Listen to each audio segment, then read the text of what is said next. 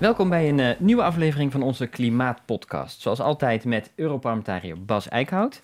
En we gaan het vandaag natuurlijk hebben over de klimaattop in het Poolse Katowice, die deze week begonnen is. Um, eerst nog even terug naar het nieuws van vorige week. De Europese Commissie presenteerde nogal trots uh, haar long-term strategy voor klimaat. Goed Nederlands. Ja. Langetermijnstrategie zou je ook Ja, dat zeggen. zou je kunnen zeggen. Ja. Um, daar zat goed nieuws in. We kunnen namelijk in 2050 klimaatneutraal zijn in Europa. Ja. Uh, goed voor de economie, goed voor het klimaat. Iedereen blij? Uh, ja, op zich met die boodschap wel. Uh, nee, nee, het is echt. Ik, ik zou zeggen, uh, ik raad niet altijd mensen aan om een, om een, een, een, communicatie van de commissie te lezen. Maar dit, dit, dit leest echt als een, een GroenLinks pamflet bijna. Waarin ze echt heel duidelijk neerzetten van oké, er moet wat gebeuren voor klimaat. maar het kan ook. We kunnen echt naar, naar eigenlijk een nieuwe economie, groene banen, innovatie naar Europa. Echt, echt het verhaal waarvan je zegt, nou, hè, eindelijk, eindelijk ook vanuit de Europese Commissie, eigenlijk gewoon het GroenLinks verhaal. Dus dat, dat is hartstikke mooi. En, en, dat was ook onze reactie. Goed verhaal, prima boodschap.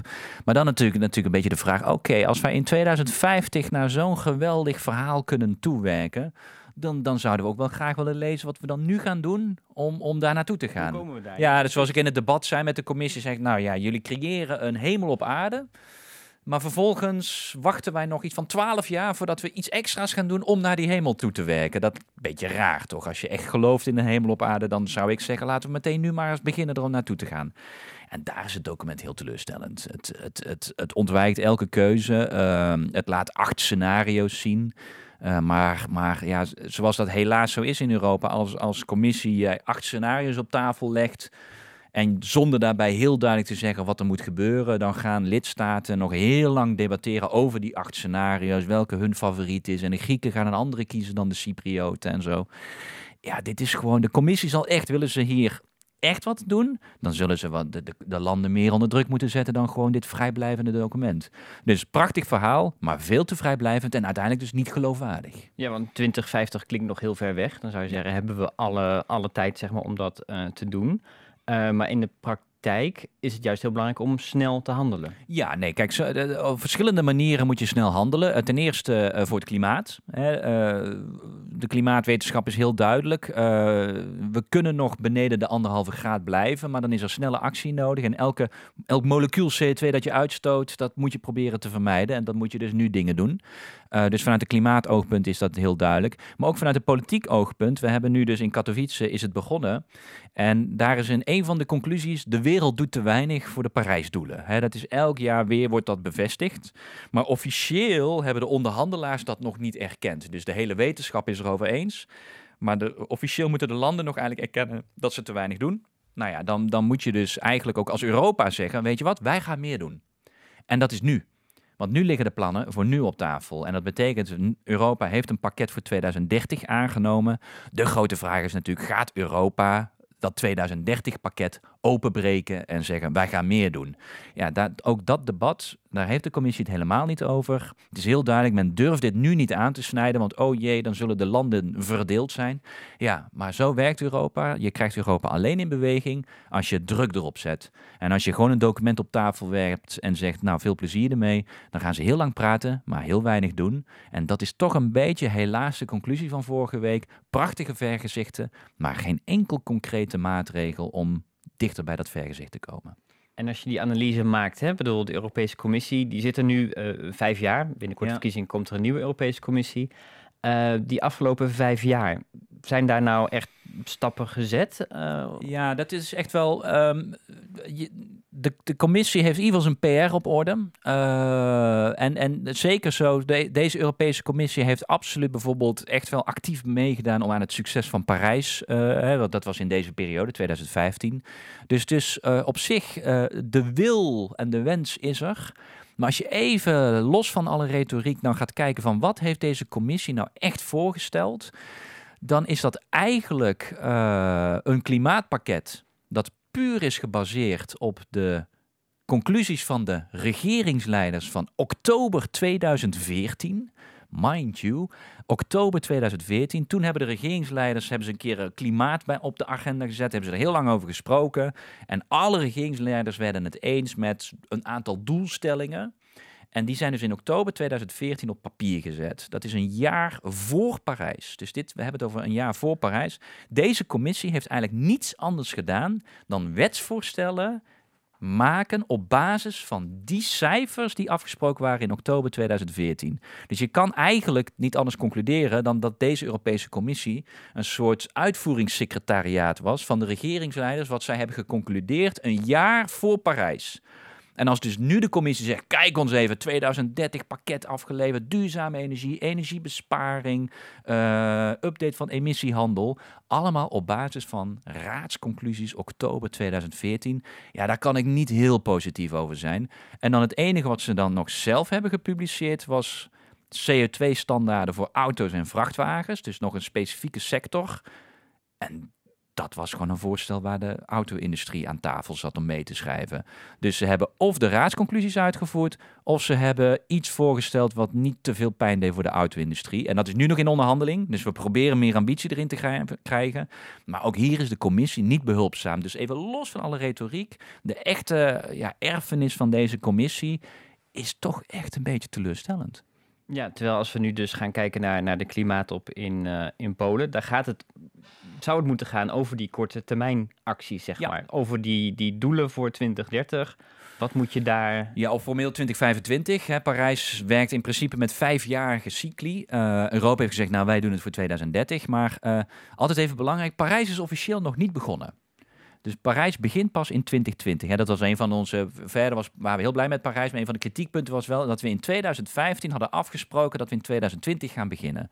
Maar oké, uh, Vervolgens is er wel gezegd toen van dan gaan we allemaal klimaatplannen maken. In, in het mooie terminologie, een NDC, National Determined Contribution, is gewoon een klimaatplan.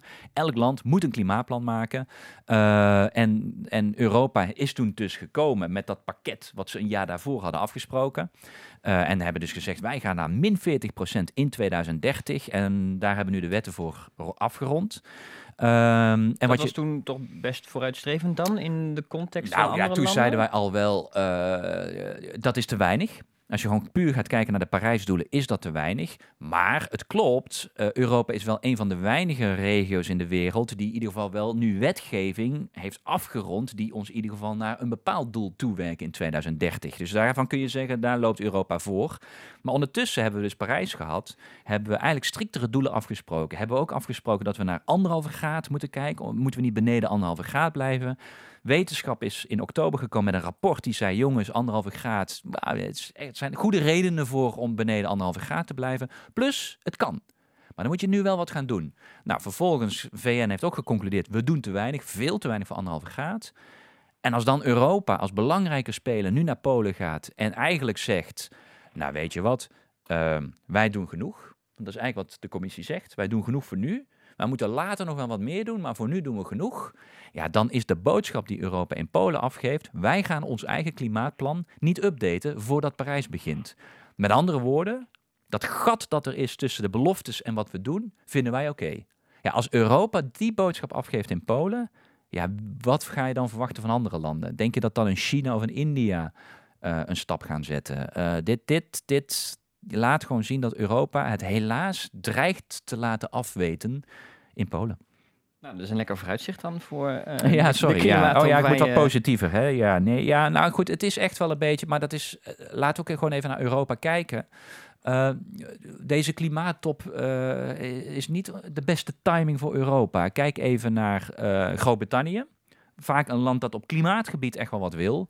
Die hebben volgende week in de tweede week van Katowice nog een of andere stemming over een brexit. Ik weet niet of je daarvan gehoord hebt. Uh, schijnt ook een dingetje te zijn. Zijn ze, zijn ze druk mee bezig. Ja, ja. dus de Britten zijn daarmee bezig. Nou, de Italianen, ook een groot land in de EU, die, die hebben een, een begrotingsissue'tje met Europa. Dus die zijn ook met iets anders bezig. Uh, Frankrijk uh, lopen heel veel gele hesjes rond. dus ook daar is een regering nogal aangeschoten. En een andere grote speler, Duitsland, zit eigenlijk al vanaf het begin van dit kabinet muurvast met die grote coalitie van Sociaaldemocraten en Christendemocraten. En die hebben nog een stemming over de nieuwe leider van de partij van Merkel. Dus al die landen, grote spelers, zijn eigenlijk met andere dingen bezig. Ja, dat is niet de makkelijkste periode om dan nog te zeggen: oh ja, klimaatbeleid. Dan gaan wij nu in uh, Katowice nog eens even uh, stevig op de trom uh, slaan. Plus, de voorzitter is Polen. Nou, en Polen is per definitie een land dat nooit iets wil. Die wil juist nog ook wel kolen showen in Katowice. Dus, dus ja, dit alles bij elkaar ja, is gewoon een hele slechte dynamiek. Waardoor het moeilijk is om heel positief te zijn van, nou, wij gaan echt in Polen grote ambities zien. Ik denk wel weer mooie woorden. Het zullen weer hartverscheurende speeches gehouden worden. Er gaat ook heus wel op technisch niveau gaan we vooruitgang boeken, want dat is ook de bedoeling in Katowice. Uh, er moet een rulebook komen. Um, ja, dat gaat gewoon over de technische afspraken. Hoe gaan we uh, emissies uitstoot monitoren, rapporteren? Want als jij gezamenlijk als de wereld afspreekt, we gaan bepaalde doelen doen, moet je wel zeker weten dat iedereen dezelfde doelen op eenzelfde manier uh, zeg maar in de boeken zet. Daar moeten regels voor worden afgesproken. Die regels zullen ongetwijfeld wel tot een akkoord komen. Zal een hoop dramatiek met zich hebben. Ook omdat de ontwikkelingslanden zich zorgen maken over financiën aan die kant. Dus er zal veel gebeuren. Uiteindelijk verwacht ik dat er een rulebook komt. En dan zullen de Polen zeggen: groot succes, we hebben een rulebook. Klaar, prachtig. Strik erom, kerst. Uh, het punt is, in 2018 hadden we ook eigenlijk een discussie moeten hebben over moeten wij als wereld niet meer doen. Dus het is goed dat we een rulebook hebben, maar moeten we niet ook als wereld meer doen? Maar ja, als Europa al in zo'n ongelooflijke lastige positie zit door intern gedoe, uh, en een Amerika die zeker niet aanwezig... Ja, ze zijn aanwezig, maar daar hou je het bij. Uh, een Australië waar uh, een kolenpremier zit. Uh, in Brazilië, waar een nieuwe president gaat komen, waarvan het maar afwachten is uh, wat die gaat doen. Ja, dan heb je gewoon vrij weinig uitzicht op een wereld die in Katowice gaat zeggen: wij gaan meer doen. Ja, dus, sorry, sorry. Ja, nou ja, nee, dan, dan um, legt dat dus alle druk misschien wel op 2019. Ja, dat is dan hoe het werkt. Uh, ik denk dat Guterres, dat is de baas van de VN, uh, die, die ziet dit natuurlijk ook wel. Dus wat die al heeft gezegd is van, ik wil in september 2019, dan hebben we altijd de General Assembly hè, van de VN. Dus dan komen alle regeringsleiders naar New York, weet je wel, waarin altijd iedereen weer zijn hart vasthoudt wat Trump nu weer gaat zeggen. Uh, nou, in 2019, die General Assembly staat gewoon altijd al in de boeken van iedereen. Uh, Guterres heeft gezegd, de baas van de VN heeft gezegd, ik wil in die periode ook een specifieke klimaattop houden, alleen voor regeringsleiders. En ik eis van iedereen dat zij met een belofte in de achterzak naar New York komen. En ze zijn nu heel veel druk aan het zetten op de Chinezen.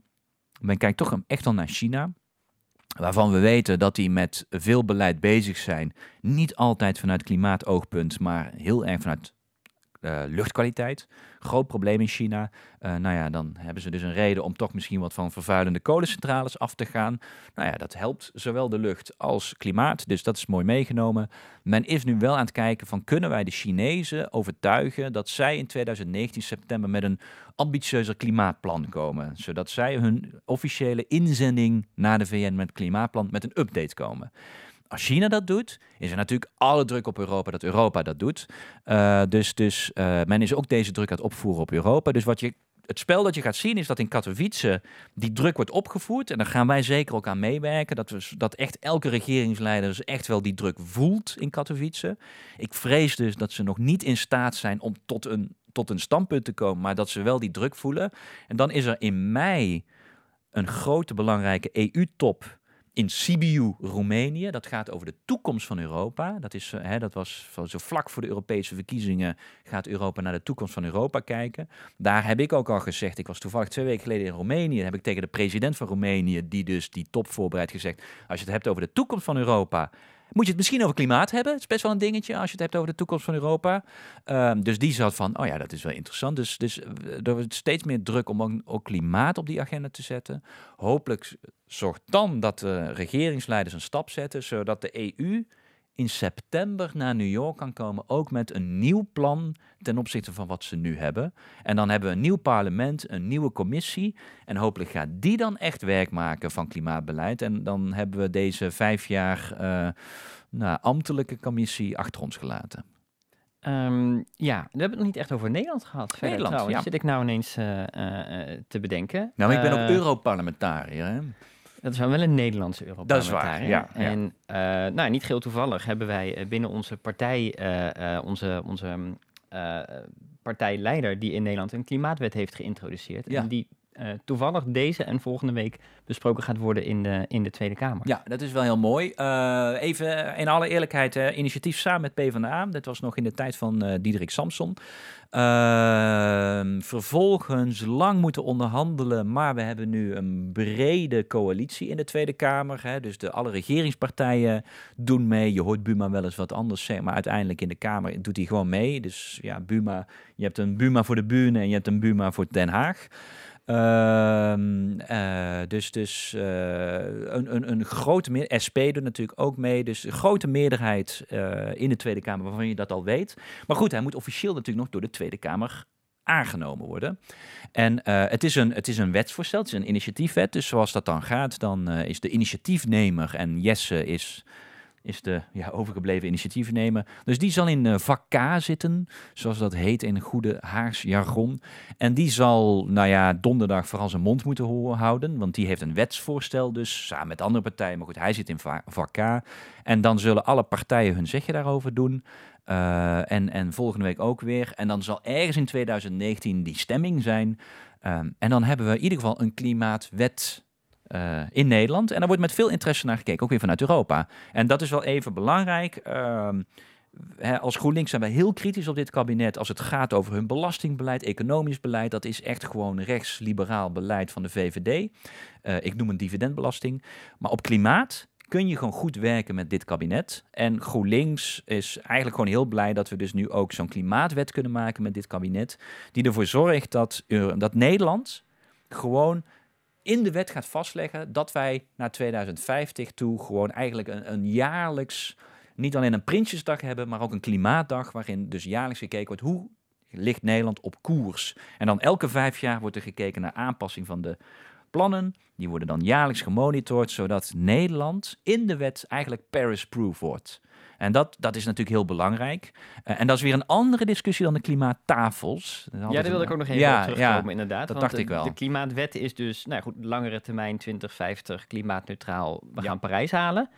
Maar hoe gaan we dat doen op korte termijn? Dan hebben we het over beleid. Ja, dan hebben we het over beleid. Dus die klimaatwet zet eigenlijk in de wet lange termijn doelen. En ook een systeem die ervoor zorgt dat er dus jaarlijkse monitoring is, zijn we op koers. Elke vijf jaar aanpassing waar nodig. Eh, Misschien nieuwe wetenschap zegt we kunnen harder daar of we moeten harder daar. Dus je zit eigenlijk in de wet, zet je een, een, een proces dat gewoon elke komende regering dwingt tot klimaatbeleid. Nou, dat geeft stabiliteit, vooruitzicht, ook naar het bedrijfsleven, zodat ze weten wat er ook gebeurt. Op lange termijn gaan wij naar een nuluitstoot, dus die kant moeten we op. De route moet natuurlijk dan besproken worden door concreet beleid. En daar heeft dit kabinet eigenlijk klimaattafels ingesteld voor, om voor tot 2030 tot een plan te komen. Eh, en dat zijn dus de klimaattafels. Dus de klimaatwet is de lange termijn wet le- vastleggen. En de klimaattafels gaan de eerste stappen concretiseren. En dat loopt nogal een beetje vast in de Nederlandse polder. Ik Eh, las dat, dat de milieuorganisaties al gezegd hebben, wat nu voor ligt is voor ons niet genoeg om eh, hiermee Ja, akkoord kijk, te gaan. het punt is, eh, en dit is, je hoort ook een aantal mensen eigenlijk heel terecht kritisch zijn op van jongens, we proberen hier echt wel een, een, een echte revolutie in een aantal sectoren neer te zetten. Ga jij een revolutie krijgen door een poldertafel? Nou, dat lijkt me een hele terechte vraag. Kijk, bij een aantal sectoren heb je het gevoel dat, dat, dat, dat we zijn al zeg maar zo aan het veranderen dat je daar waarschijnlijk met een polder wel vervolgstappen kan zetten. Ik denk met name aan de energietafel. Daar, hè, daar is al zoveel. En de prijzen voor duurzaam zijn zo voordelig geworden dat eigenlijk, ik bedoel, mag nooit zijn, maar dat loopt. Daar kun je wel stappen zetten. Maar als je gaat kijken naar transport, landbouw, industrie. Ja, daar moeten nog echt wel wat pijnlijke keuzes gemaakt worden. Ja, het is niet helemaal duidelijk of dan een poldertafel het beste instrument is. En dat zie je nu ook een beetje gebeuren. Er liggen allebei allerlei taboes op tafel die, eh, die nou net eigenlijk efficiënte maatregelen wegnemen. Eh, bij, bij, bij bedrijven is dat dus heel duidelijk dat de bedrijven zeggen, nou misschien willen we wel, maar dan graag ook een pot geld. Eh, jongens, vervuiler betaalt. Eh, misschien moet er ergens ook nog misschien een industrie ergens iets gaan betalen en niet alleen maar gaan klaarzitten op een pot geld. Nou, dat betekent gewoon, misschien moet Nederland gewoon eigenlijk de CO2-prijs verhogen. Dat kan. Hebben de Britten ook gedaan in hun klimaatwet. Die hebben gewoon gezegd, wij maken voor onze industrie de CO2-prijs hoger binnen dat emissiehandelssysteem. Dus wij bouwen een bodem in. Uh, en zodra die echte CO2-prijs eronder gaat, in Groot-Brittannië niet. Groot succes. De, de, Britten hebben echt een van de weinige landen waar je duidelijke afname van CO2 ziet.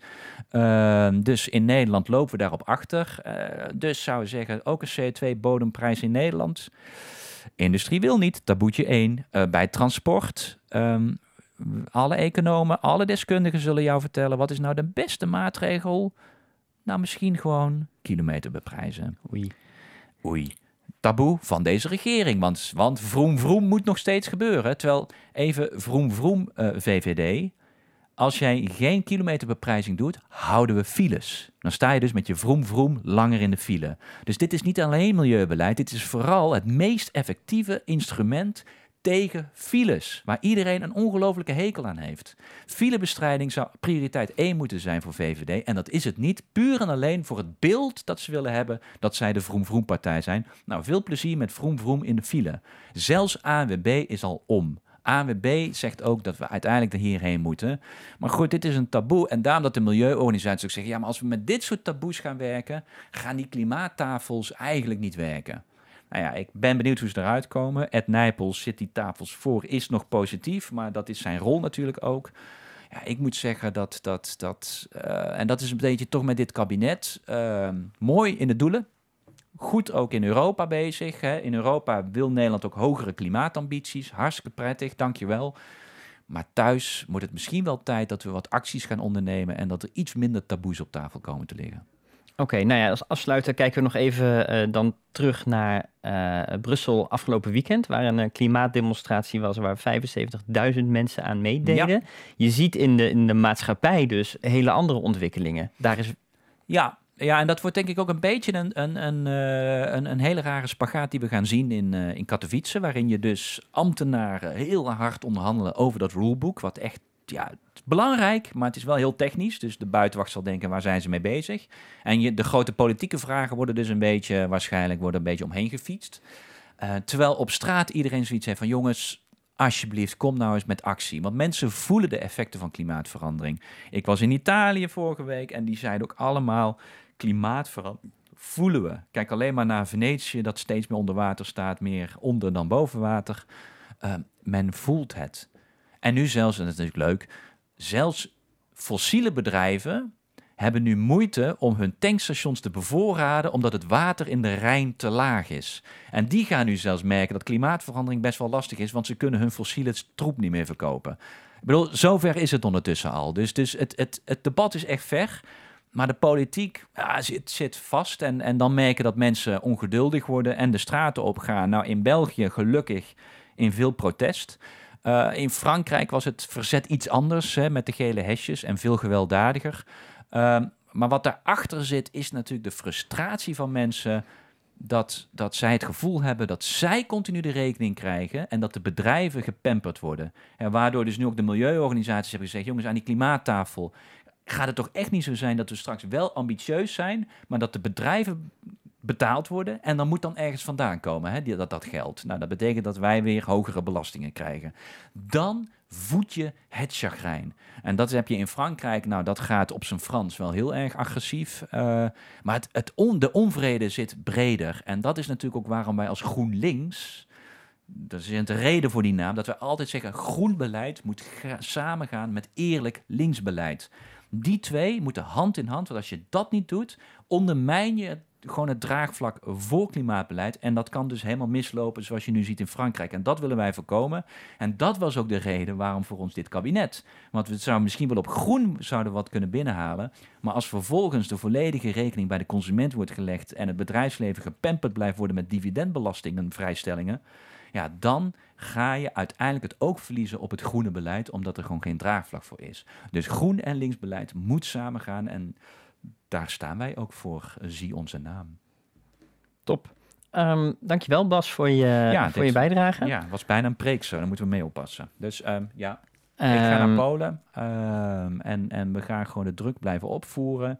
En ik hoop dat in Nederland we echt stappen kunnen zetten op het echte klimaatbeleid. En dat we niet alleen Nederland kunnen complimenteren op de doelstellingen, maar ook juist op de acties. Yes. Nou, vanaf volgende week zijn we dus bij de klimaatop in, uh, in Katowice. Uh, we hebben een speciale website, klimaat.groenlinks.nl. Ehm, daar kun je ons op de voet volgen. We gaan live blog schrijven. We gaan analyses eh, geven daar. En we nemen natuurlijk onze podcastapparatuur mee. En als het even uitkomt, dan zullen we ook vanaf daar nog een, eh, een podcast opnemen. Ehm, voor de luisteraars, als je dat nog niet hebt gedaan, abonneren op de podcast kan via iTunes of via Spotify zelfs tegenwoordig. Oh jee. Alle linkjes daarvoor vind je op klimaat.groenlinks.nl. Tot volgende week vanuit Polen. Tot ziens.